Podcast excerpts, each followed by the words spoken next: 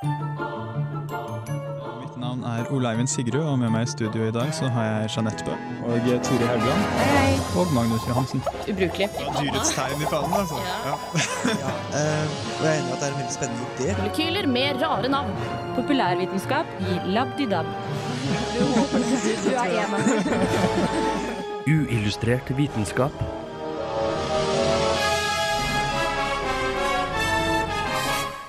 For en uke siden fikk Trondheim besøk av astrofysiker Charles L. Bennett og nobelprisvinner i fysikk og gammel NTH-student Ivar Giæver. Etter å ha snakket med oss i Uillustrert vitenskap, foreleste de om universets og livets utvikling i anledning Det kongelige norske vitenskapers selskaps 250-årsjubileum. Det store samtaleemnet etter Gunerius-forelesningene var dog verken om universets eller livets utvikling, men om den uventede vendingen Ivar Giævers forelesning tok mot slutten av kvelden. Hva dette krumspringet innebar, er kun noe av det vi vil diskutere her i Uillustrert vitenskap denne timen.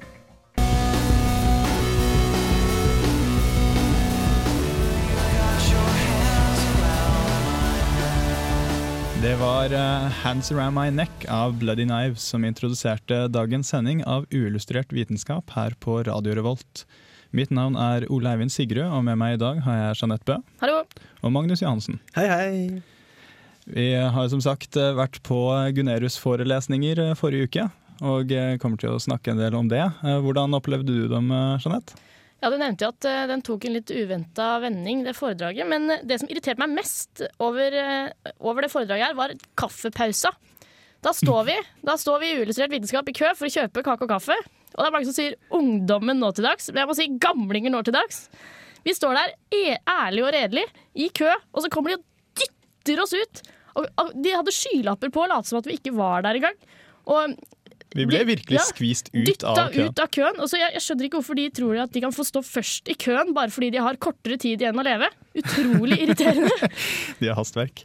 Men eh, ja, vi har jo sagt at eh, hans eh, forelesning vakte jo veldig oppsikt. Hvorfor det får du vite snart. Men først så tenkte jeg at vi kunne ta for oss litt hvem han er. Og eh, jeg fikk jo et eh, intervju med ham, og eh, det viser seg jo at han var jo svært aktiv på Studentersamfunnet blant annet, og det har jeg snakket med ham om. Ivar Giæver er en norsk-amerikansk fysiker som mottok nobelprisen i fysikk i 1973. Jeg fikk den for noe som heter electron tunneling. Og hvis du ikke kan fysikk, så høres det helt urimelig ut. fordi at det betyr at en partikkel kan gå fra, fra sted A til sted B uten å være mellom A og B. Han kan være i A, og så går han til B. Men han er aldri mellom A eller B. Og det høres ikke riktig ut for meg som var mekanisk ingeniør. Da, så høres det helt tullerusk ut. ikke sant? Det var derfor jeg fikk prisen. Hans senere forskning, siden tidlig på 70-tallet, har hovedsakelig vært innen biofysikk. For meg så er biofysikk å anvende fysikk for å løse biologiske problemer. Så det er det som jeg mener med biofysikk. Det er, grunnen, det er ikke noe fag i seg selv. For hvis, hvis du reiser rundt i verden og møter en annen biofysiker, så er det noe helt annet enn det du gjør. Så det faktisk er, for, mitt synspunkt, så er å bruke fysikk til å hjelpe biologien. Og skal du gjøre det, så må du da kunne biologi. Og for deg som ønsker å lære biologi, har han et godt tips. Den beste måten å lære biologi på er å spise lunsj med biologer. For da vet du hva deres problemer er. Nobelpriser, elektrontunnelering, biofysikk. Spennende, men ikke akkurat noe de fleste av oss kan kjenne oss igjen i. Det kan jo da nevnes at Ivar Giæver ikke alltid var fysiker. Han utdannet seg først til maskiningeniør ved NTH i 1952. Og da han studerte her i Trondheim, var han aktiv på Studentersamfunnet. Eh, Ja, jeg var ikke aktiv i regi, da, vi kalte det den gangen. Jeg var aktiv som kortspiller, og vi, vi møttes ofte i studentsamfunnet. Efter, efter og, og også under eh, for, forelesningene. Vi gikk ikke så ofte på forelesningene, så vi spilte mye bridge og litt poker i samfunnet. Det var forbudt å spille poker, men vi gjorde det jo allikevel, da. Samfunnet kan, som kjent, oppta store deler av en students tid. Og Ivar Giæver var intet unntak. Nei, Jeg brukte jo mesteparten av tiden min der, vil jeg si. Det er heller ikke ukjent at en høy aktivitet på samfunnet kan gå utover karakterene. Men i Gjevers tilfelle var dette faktisk ingen ulempe. Snarere tvert imot. Nei, jeg, jeg hadde jo en veldig dårlig eksamen, ja da. Jeg hadde 4-0 i fysikk og 4-0 i matematikk. Det var det dårligste jeg kunne få. Og det var en veldig stor fordel for meg, for når jeg kom til USA, så fikk jeg jobb i General Electric. Og så så han intervjuene på papirene mine og sa han du har fått 4-0 i både matematikk og fysikk, så du er veldig flink, sa han. Og 4-0 er det beste du kan få i USA.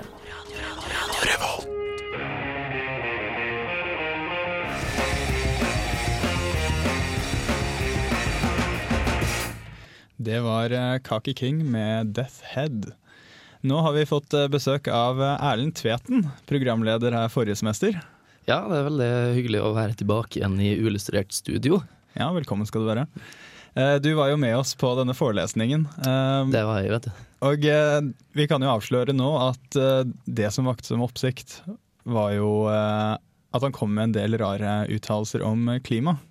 Ja, han, eh, han kom ut av skapet som en skikkelig klimaskeptiker, selv om han har gjort det tidligere også, så det er ikke noe nytt. Så folk som har sjekka ut Ivar Gjæver litt, eh, kunne kanskje forvente at det her kom, da. Eh, Men det hadde jo ingenting med saken å gjøre, som han egentlig skulle snakke om, så det var, det, var det som var litt rart på forrige torsdag. For det han skulle snakke om, var jo utviklingen av livet på jorden. Mm. Og det er litt snodig. Men uh, du har jo uh, blitt eh, ganske engasjert i det her og lagd en kommentar, så jeg syns egentlig vi skal spille den nå. I am a skeptic. I told you that yesterday. And I am from Norway, so why should I worry? Det var et smått surrealistisk scenario som utspant seg i Storsalen på Studentersamfunnet torsdag 11. mars 2010. NTNUs eneste nobelprisvinner i fysikk, Ivar Gjæver, var kommet hjem igjen for å gjesteforelese i anledning 250-årsjubileet til Det kongelige norske vitenskapers selskap. Kremen av norsk universitetstradisjon hadde tatt på seg finstasen for å kaste glans over feiringa i den ærverdige, gamle salen. For en realfagsstudent og vitenskapsnerd så var denne settinga i seg sjøl en artig opplevelse å ta del i. Men kvelden skulle vise seg å ta en vending de færreste hadde spådd på forhånd. Now we have gotten into global warming and it has become a new religion. You are not supposed to be against global warming. Gjæver var invitert til å forelese om livets begynnelse, men han klarte på uforståelig vis å vri temaet inn på krig, fred, politikk og sånt. Og han fortsatte med kraftig kritikk av IPCC, folka og retorikken rundt klimaproblemet. Man kunne nærmest høre knirkinga fra stolene til et hundretalls ukomfortable professorer som håpte at dette lille blaffet av galskap hos en ellers så respektabel gammel fysiker kunne forbigås i stillhet. Men den 80 år gamle nobelprisvinneren hadde mye på hjertet denne kvelden, og lot klimasaken totalt overskygge det opprinnelige temaet han var invitert for å snakke om. Applausen han fikk til slutt, var av den høflige og nervøse sorten, og for mange så satt det nok langt inne å måtte klappe for denne oppvisninga i det hele tatt. And measuring temperature all over the world, where you go to average the space, average the time and whatnot, seemed to me like a very difficult situation. Med et internett i eksponentiell vekst har klimadebatten dessverre falt ut av vitenskapens hender og over i mer kaotiske strukturer hvor det er økonomiske og storpolitiske interesser som styrer. Ivar Gjæver er definitivt en autoritet som er med på å helle bensin på klimabålet. Men fins det likevel noe fornuftig lærdom å dra ut av denne oppvisninga? Svaret er kanskje, og i tilfelle godt skjult bak Gjæver sine retoriske blundere. Han burde holde seg for god til å kritisere det vitenskapelige arbeidet til andre nobelprisvinnere som Al Gore og Rajendra Pashauri, som jobber innenfor et felt som Gjæver i utgangspunktet ikke har peiling på. Det er heller ingen styrke at han tilsynelatende ikke er helt enig med seg sjøl. I det ene øyeblikket spøker han om at klimaet i Trondheim i hvert fall ikke har forandra seg de siste tiåra, for etterpå å spørre retorisk om hvorfor vi egentlig er så redd for forandringer. Han slår et slag for ren atomkraft, samtidig som han på erkeamerikansk vis ikke vil betale skatt som går til å subsidiere ulønnsomme vindmølleprosjekt. We got to make solar cells. We got to have windmill. We got to do all sorts of things. But we really have a way of doing this already. We have nuclear power. Som forskningsinteresserte vet vi at vitenskapen er sin egen beste vaktbikkje. Feil og unøyaktighet i klimaforskninga kan ikke bli påpekt av noen andre enn klimaforskerne sjøl. Og ei slik kvalitetssikring skjer selvfølgelig hele tida, sjøl om vi ikke får inntrykk av det gjennom media. Det er trist å se at en autoritet som Ivar Gjæver gjør slike feil, men samtidig skjuler advarselen hans et budskap som vi alle burde være klar over. Det er at klimadebatten i hovedsak ikke lenger er en vitenskapelig debatt. Den er politisk, ideologisk og ikke minst økonomisk, og den kommer til å prege livet våre i mange tiår framover. Det er dessverre ingen snarlig løsning i sikte for klima.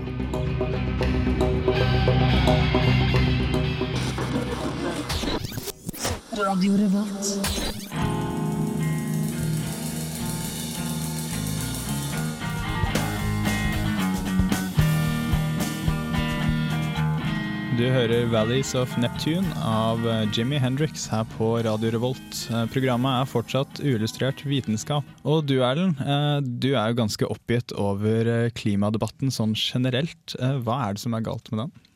Ja, hva er det som er galt med den? Eh, som forskningsjournalister, så, eller i hvert fall sjøl erklært forskningsjournalister, som vi er her i Radio Revolt, eh, så har vi på en måte eh, Vi må prøve å finne tak i den kunnskapen som har kilder som vi kan stole på. Eh, og eh, Klimadebatten i sånn sett er jo et makkverk, i hvert fall hvis man går inn på internett og skal, eh, skal se hva slags kommentarer og hva slags meninger som ligger der ute. Eh, Enhver artikkel på forskning.no for eksempel, får jo en eller annen syrlig eh, klimaskeptiker som påstår at eh, alt er, eh, bare en stor konspirasjon, og, skjønner ikke hvorfor vi andre ikke skjønner akkurat det her. Når det gjelder klimadebatten, så den er litt sånn spesiell som forskningsfelt.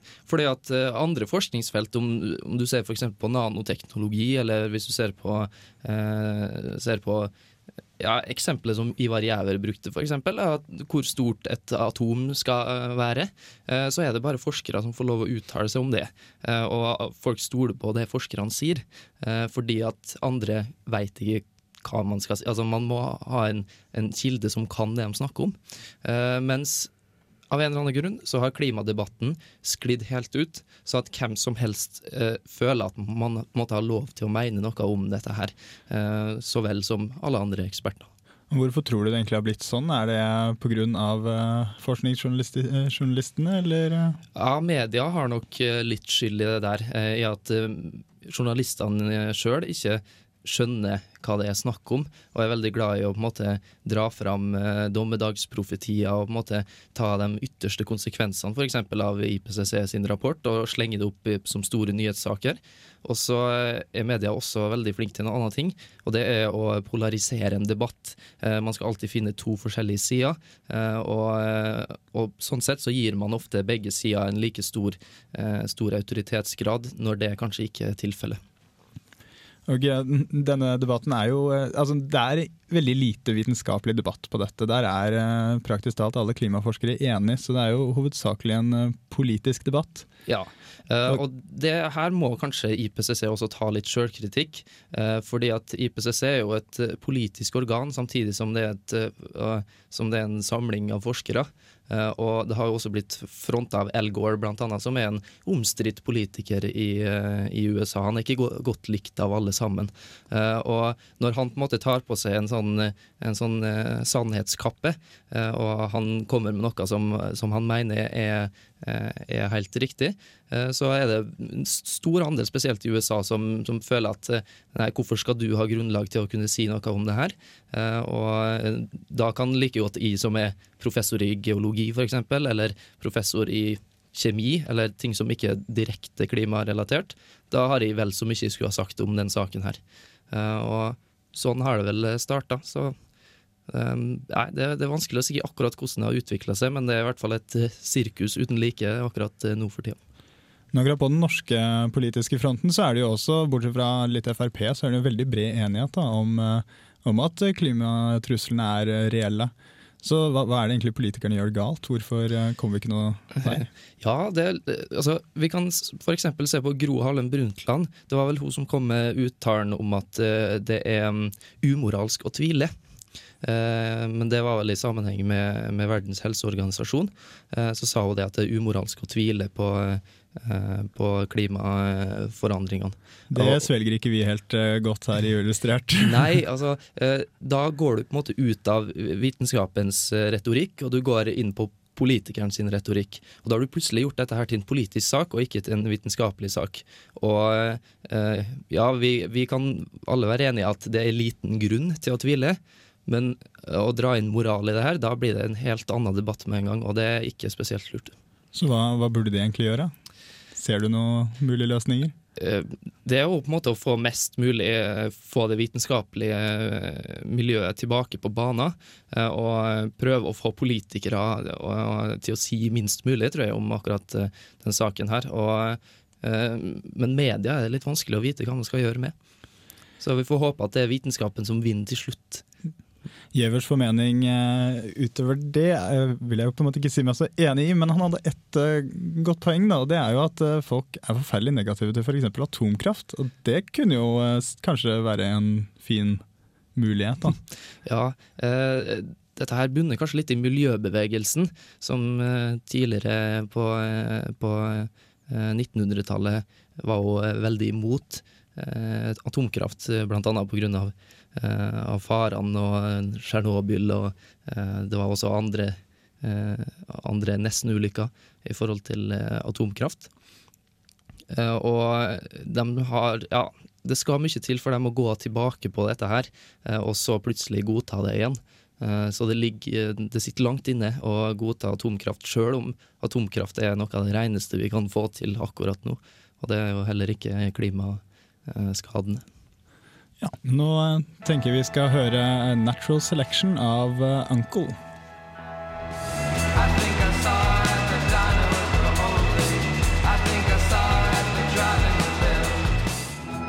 Radio Revolt. Uillustrert vitenskap presenterer Forskningsnytt.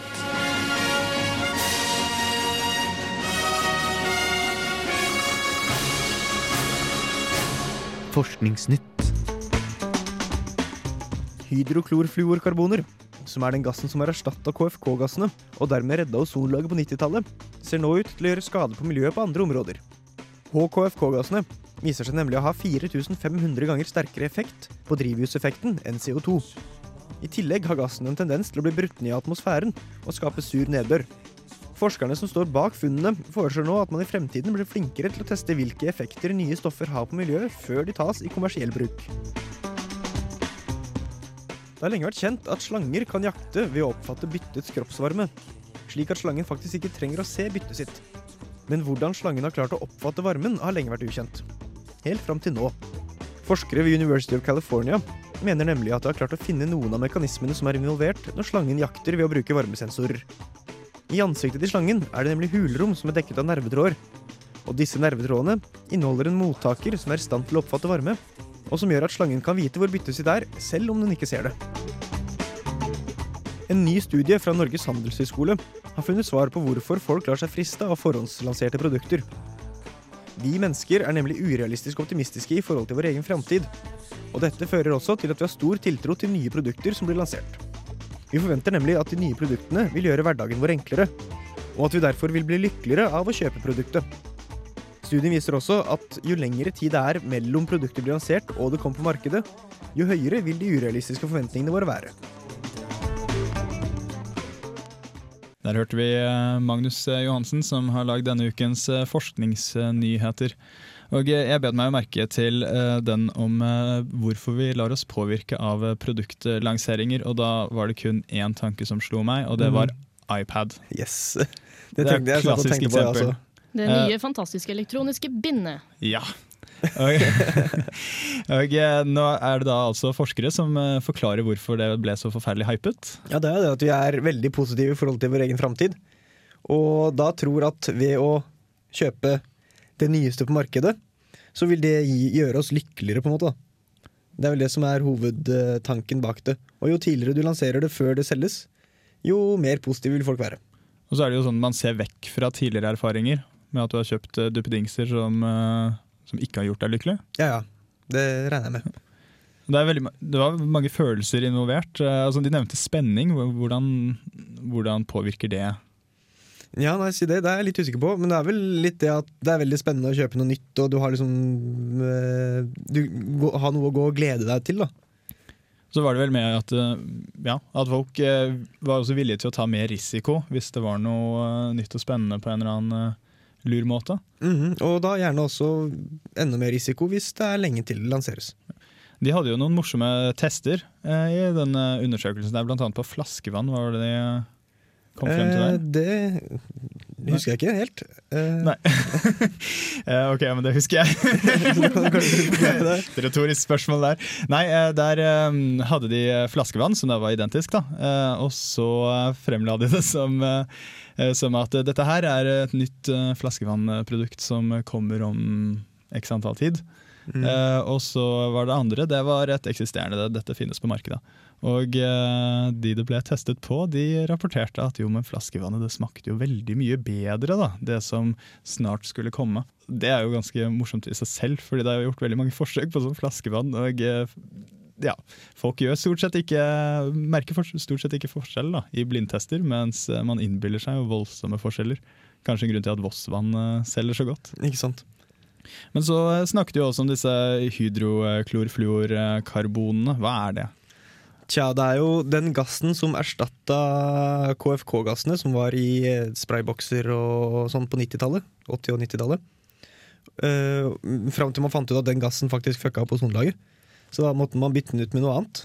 Og da blei det de HKFK-gassene, som da visstnok var snille med ozonlaget, men eh, ja, forårsaker mer drivhuseffekt og kanskje også sur nedbør. Ja, hvis det er en ting vi ikke trenger, så er det nok et eksempel på forskerne trodde dette var trygt, og så viser det seg skadelig, som alltid blir brukt som uh, argumenter mot alt som er nytt. Mm. Eh, så ja, dette her var, var triste saker. Men uh, det, det førte til sur nedbør, uh, sa du?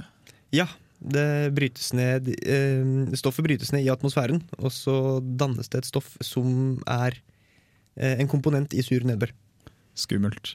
Jeg leste også at eh, de har brukt eh, datamodeller til å eh, finne ut at dette førte til sur nedbør. Og da er det jo potensialet for at de kan bruke tilsvarende datamodeller på å teste andre sånne gasser vi slipper ut. Da. Så det er jo i hvert fall noe positivt til dette. Um, og så hvordan var det de fant ut hvordan slanger ser, ser varme?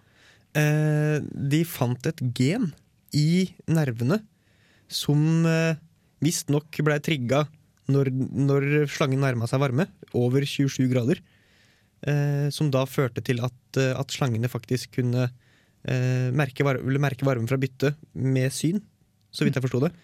Eh, så det i hvert fall ble sendt signaler til hjernen om at her var det eh, et, et bytte i nærheten som slangen kunne spise. Jeg trodde at eh, når de bare ålte seg rundt på bakken, at de kjente varmen. Fordi å, her har dyret gått før, her er det litt varmere. Og jeg kjenner å, da går jeg videre.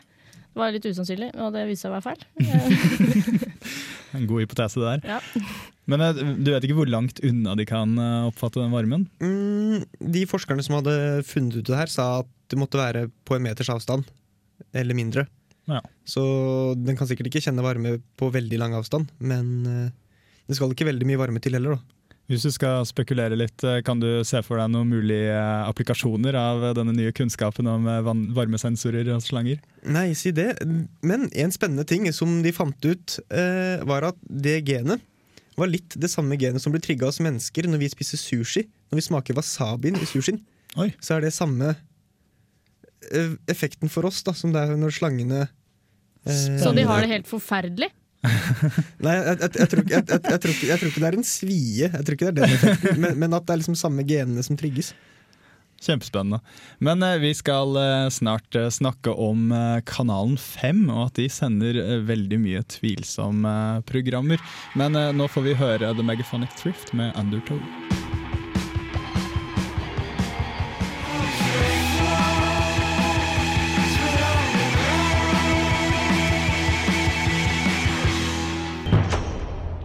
Det vesle stedet Kjellvik skulle være et rolig hjørne av verden.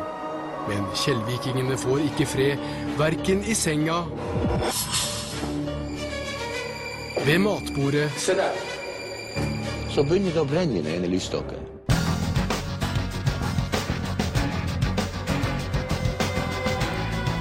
Kanal 5 er TV Norges nisjekanal spesielt rettet mot kvinner, og sender derfor naturlig nok programmer som kvinner liker. Men noe som er verdt å merke seg, er at Fem syns kvinner er noen lettlurte sauer. For hva er det Fem fremstiller som programmer rettet mot kvinner? Her får du noen eksempler. Det spøker, Årets nyhet fra sjel til sjel, Paranormal etterforskning, Charm og Åndenes makt. I årets satsing Fra sjel til sjel møter vi Gro Helen Tørum, som snakker med ymse folks avdøde slektninger.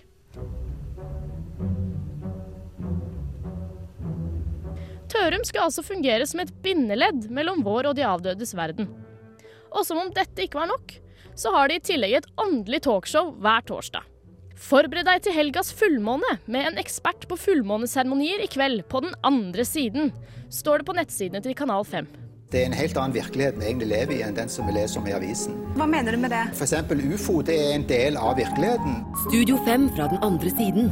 Torsdag 21.30 på 5. Her får man visstnok møte fire engasjerte og inspirerende programledere som bruker sine unike evner og innsikt i det åndelige i møte med fenomener vi ikke alltid kan forklare. Det som åpenbart har gått Kvinnekanalen fem hus forbi, er at åndene, så vidt vi vet, slettes ikke har noen makt, og ikke har noe på TV å gjøre. Man kan lett se at Fem rett og slett promoterer troen på spøkelser og magi. Kanal 5 har uttalt som mål å bidra til å åpne sinn og utvikle bevisstheten til folk. De fremmer det spirituelle.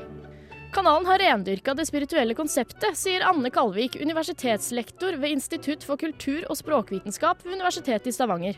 Kanal 5 og TV Norge sin misjonering og fremming av spiritualitet har gått nokså upåakta for seg. Det er oppsiktsvekkende at denne satsingen ikke lager mer oppstyr. Det er snakk om en ikke ubetydelig mengde seere. Interessa for det spirituelle er kanskje noe vi ikke vil vite mer om, sier Kalvik. Folk har assosiert alternativbevegelsen med kvakksalveri, sjarlataner og middelaldrende nyskilte kvinner i flagrende klær som skulle kjenne på sin egen gudinnekraft. Dette har tydeligvis Kvinnekanalen 5 fått med seg. Og de treffer jo dermed målgruppen rett i hjertet, i og med at alternativ spiritualitet gjerne blir assosiert med det kvinnelige og ikke-skolerte. 122 000 mennesker så forrige episode av Fra sjel til sjel. Hva i all verden er det som gjør at så mange viser interesse for dette? Ifølge Kalvik ser det ut til at det er et behov hos oss folk for å søke det mystiske, fortryllende og det som går utover vår vanlige sansing.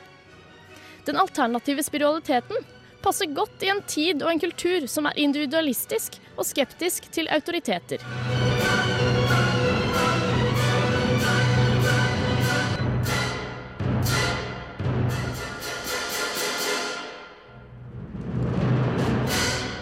Ja, Det påstås at uh, New Age uh, passer til de som uh, stiller seg skeptiske til autoriteter. Dessverre så er de ikke bare generelt skeptiske. det er altså svært mye alternativt på fem. Um, og det er jo faktisk ingen myte at det er faktisk en majoritet av kvinner. eller i det alternative miljøet så er det en majoritet av kvinner. Og hvorfor tror vi egentlig at kvinner er så spesielt ja, Nei, jeg, jeg, jeg, skjønner det egentlig ikke, men jeg har faktisk, jeg må innrømme det her, jeg har tatt meg selv i å være en av de 122 000 som så forrige episode Fra sjel til sjel. Men det var jeg, jeg, kan ikke si at det er fordi jeg innerst inne tror litt på det her og syns det er litt spennende. Jeg satt jo faktisk og gapskratta hele sendinga gjennom. Ja, for det, jeg føler liksom Jeg syns også det er morsomt å se på, men det er ikke fordi jeg tror på det. Det er fordi det er så avsindig drøyt at uh, det, er liksom, det, er, det, er litt vanskelig å tro på. Ja, jeg tar jo meg selv i å se på sånt for å på en måte le av det. Men, men, det, men det, men det er jo ikke sånn, det majoriteten ja, gjør, har jeg inntrykk av. Og det er den eneste forklaringen jeg har på en måte hørt som, som jeg tror det kan være noe i, da, det er jo det generelle med at uh, kvinner, eller jenter, da, uh, nærmest uh, blir litt sånn frarådet. Da. Eller de blir i hvert fall ikke tilstrekkelig motivert til, eller oppfordret til å studere realfag og være interessert i vitenskap og slikt. Og man vet jo at det er en stor korrelasjon, eller en sterk korrelasjon mellom høyere utdanning, og da spesielt innen naturvitenskap og slikt, eh, og det at man da ikke tror på slikt. Eh, Så der tror jeg kanskje én mulig forklaring er. Nå ser man jo også at eh, mange av de som eh, ser på dette, er jo da de gjerne uten eh, høyere utdannelse osv. Og, og det er jo ganske synd. Nei, jeg syns det er ganske opplagt. ja, det er, det er opplagt, opplagt men det er, det er litt synd. Altså, det blir litt sånn utnyttelse, da, føler jeg. Men, uh, men ja, og Man ser jo også at alternativmesser er jo populært som aldri før. Ja. Og ja, Det blir arrangert uh, to ganger i året i Oslo, og én gang i året i Bergen og Trondheim. Og eh, Der har jo vi vært. Men eh, eh, TV Norge har jo som sagt Åndenes makt, der klarsynte kontakter ånder osv.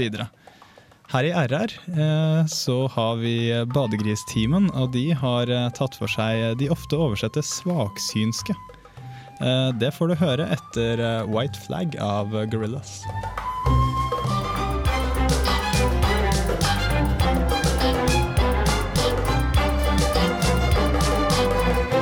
Jeg ser du er glad i jakt, og du kommer til å få mange barn. Eh, sju barn. Eh, minst. Dette er Odd Roger Larsen. Han er svaksynsk. Nei, beklager. Det var eh, katta til naboen jeg så der. I en årrekke har Odd Roger forsøkt å få innpass hos Norges Blindeforbund. Ifølge Blindeforbundet kvalifiserer ikke svaksynskhet til medlemskap. For Odd Roger har dette ført til en lang og hard kamp mot forbundet og til et liv i ensomhet. Jeg har alltid visst at jeg har vært litt annerledes, da. Husker en episode hvor Ola spurte om jeg kunne se fram i tid for å finne ut hva den feteste julegaven han skulle få, var, da. Så så jeg han feteste Batman-actionfigur, da. Med kappe og med Batmobil og alt, da. Og han blei jo kjempeglad, ikke sant? Men gjett om han ble skuffa når julaften kom, da. Det var jo noen Duplo-bil jeg hadde sett, da. Tydeligvis. Det norske miljøet for klarsynte og medier ville heller ikke vite av Odd Roger. Ikke engang for dem eksisterer saksynskhet som en tilstand. Ting så mørkt ut i livet til Odd Roger, og selvmordstankene lå på lur. Så en dag ringte telefonen, og det var produsenten for Åndenes makt som var i den andre enden. Jo da, skulle være med i en episode av Åndenes makt på TV Norge, da. Men eh, det gikk ikke så veldig bra. Gikk, gikk ganske på trynet, egentlig. Ja, her, her, kjenner, her, her kjenner jeg her, har- her har det skjedd noe helt forferdelig. Jeg, jeg ser, jeg ser et, et, et, et menneskehjerte, et, et utskåret menneskehjerte, som har blitt på, rivd rett ut av brystkassa på denne personen under snøen her. Det Det var en bæsj, ja. En eh, Skal vi se Nei, Hundebæsj, ja. På et tidspunkt ble et medlemskap i Blindeforbundet en besettelse for Odd Roger. Han gikk så langt som å vurdere å stikke ut øynene for å kunne bli medlem. Men heldigvis kom Odd Roger på bedre tanker, og nå ser han lysere på livet. Ja, Det er jo utrolig spennende det som skjer i CERN om dagen. da, med at de prøver å lage sorte hull og sånn. da. Tenk om man kan begynne å reise i tid, da. Fram og tilbake. Se for deg at vi svaksynske kan få tidsreiser på resept. Da hadde ingen ledd av oss lenger. Om Odd Roger noen gang vil bli akseptert som den han er, er uvisst. I påvente av tidsreiseteknologi fortsetter han arbeidet med å få Blindeforbundet til å akseptere svaksynskhet som en tilstand. I mellomtida lever Odd Roger et ensomt liv, uten innpass i noen forening. Ulystret vitenskap. Radio Revolt. This is Charles L. Bennett from Johns Hopkins University. Science, it works, bitches. Det gjør det så sannelig. Og eh, det er vi helt enig i her i Radio Revolts uillustrert vitenskap. Vi begynner å gå litt tom for tid. Eh, Du eh, Magnus, eh, har dog eh, fått med deg at det skjer noe på Dokkhuset? Ja, i kveld kommer? Harald Eia innom. Så Hva er temaet? Det blir vel hjernevask, tenker jeg. Ja. Eh, og jeg har hørt rykter om at de har invitert noen samfunnsforskere som, som skal debattere litt det Harald Eia snakker om i hjernevask. Så det kan jo være interessant å få med seg for de som orker å stikke ned på Dokkhuset. Eh, og da, hvis man vil se det, så må man være der innen kvart på ni. Eh, og hvis man ikke orker å dra ned på Dokkhuset, så kan man se det på NRK klokka halv ti i kveld. Ja, og datoen i dag for de som kanskje hører reprise eller podkast osv., er da torsdag 18. mars. Så eh, hvis du ikke fikk med deg det, så eh, kan du jo alltids gå inn på nett-TV, antagelig. Helt sikkert. Neste uke så kan vi love at det blir et eh, intervju med Charles L. Bennett. Eh, Der blir temaet den kosmiske bakgrunnsstrålingen, som eh, jo er ganske hyggelige og interessante temaer. Det høres også litt sånn New Age ut, som vil passe folk bra. Um, ellers så må vi jo påpeke at eh, vi har en podkast på iTunes, så eh, stikk inn og rate og last oss ned. Mitt navn var Ole Eivind Sigrud. eh, Med hadde jeg Jeanette Bø. Ha det. Og eh, Magnus Johansen. Ja. Vår tekniker var Håkon eh, Berg Berg-Mathisen. Mathisen! Vi høres neste uke.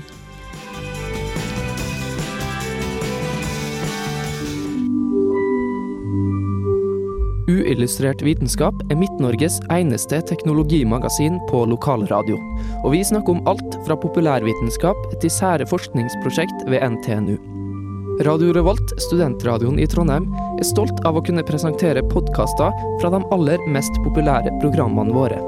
Hvis du har lyst til å høre mer fra Radio Revolt, hvem vi er og hva slags musikk vi spiller, så kan du høre oss på FM-båndet i Trondheimsregionen, eller streame sendingene våre live på radiorevolt.no.